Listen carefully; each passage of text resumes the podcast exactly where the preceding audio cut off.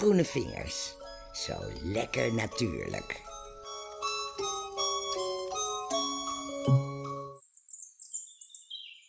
Ik heb hem niet geplant hoor. Maar ineens was hij er. De stinkende gouden. Hij is lid van de papaverfamilie. Hij heeft kleine gele bloemen en het blad lijkt een beetje op een eikenblad. En in de stengels zit geel melksap. En hij groeit vooral langs heggen en op ruige plaatsen. Nou heb ik geen strak aangeharkte tuin, maar zo ruig is het nou toch ook weer niet. De gouden wordt ook wel vrattenkruid genoemd. Het is een giftige plant, maar hij is ook heel geneeskrachtig. Dat gele sap van die stinkende gouden, dat ruikt een beetje muf. En daarom komt hij aan zijn naam.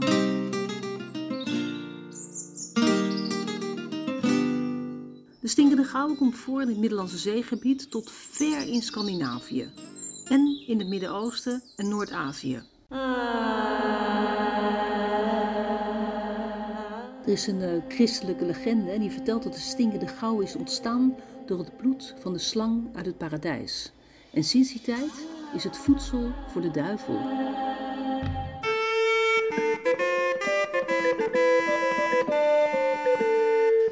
In de middeleeuwen was het al een bekend medicijn. In de 14e eeuw werd er een drank van gemaakt, omdat men dacht dat het goed was voor het bloed.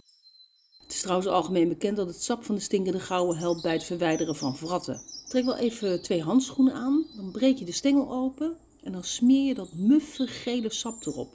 En als je dat dagelijks doet, dan verdwijnt je vrat.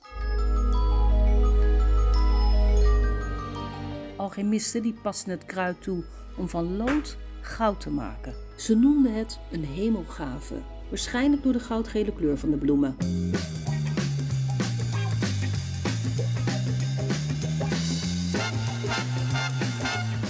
Je moet me geloven, ik heb me echt een versuffing gezocht naar liedjes over de stinkende gouden.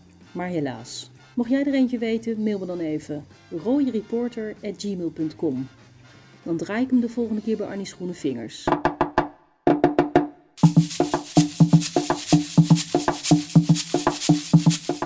Vrucht van de stinkende gouden ziet eruit als een gele mini-spersieboom. Er zitten zwarte zaadjes in van ruim anderhalve millimeter groot.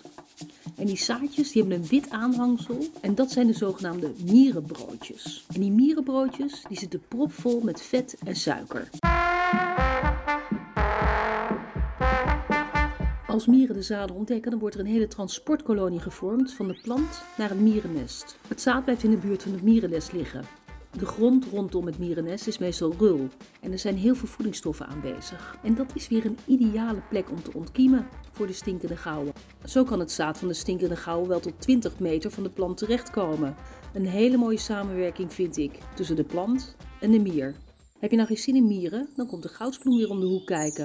Want als je stinkende gouden in je tuin hebt, zet er dan goudsbloemen bij in de buurt. Want daar houden mieren niet van.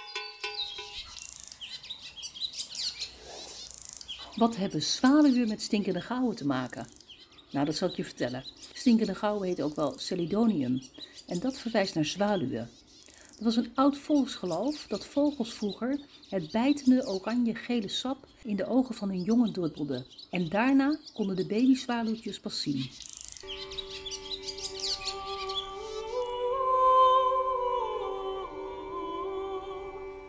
Ja hoor, daar is ze weer. Mijn heldin, Hildegard von Bingen. Zij gebruikte het sap van de stinkende gouden voor de reiniging van speeksel en slijm.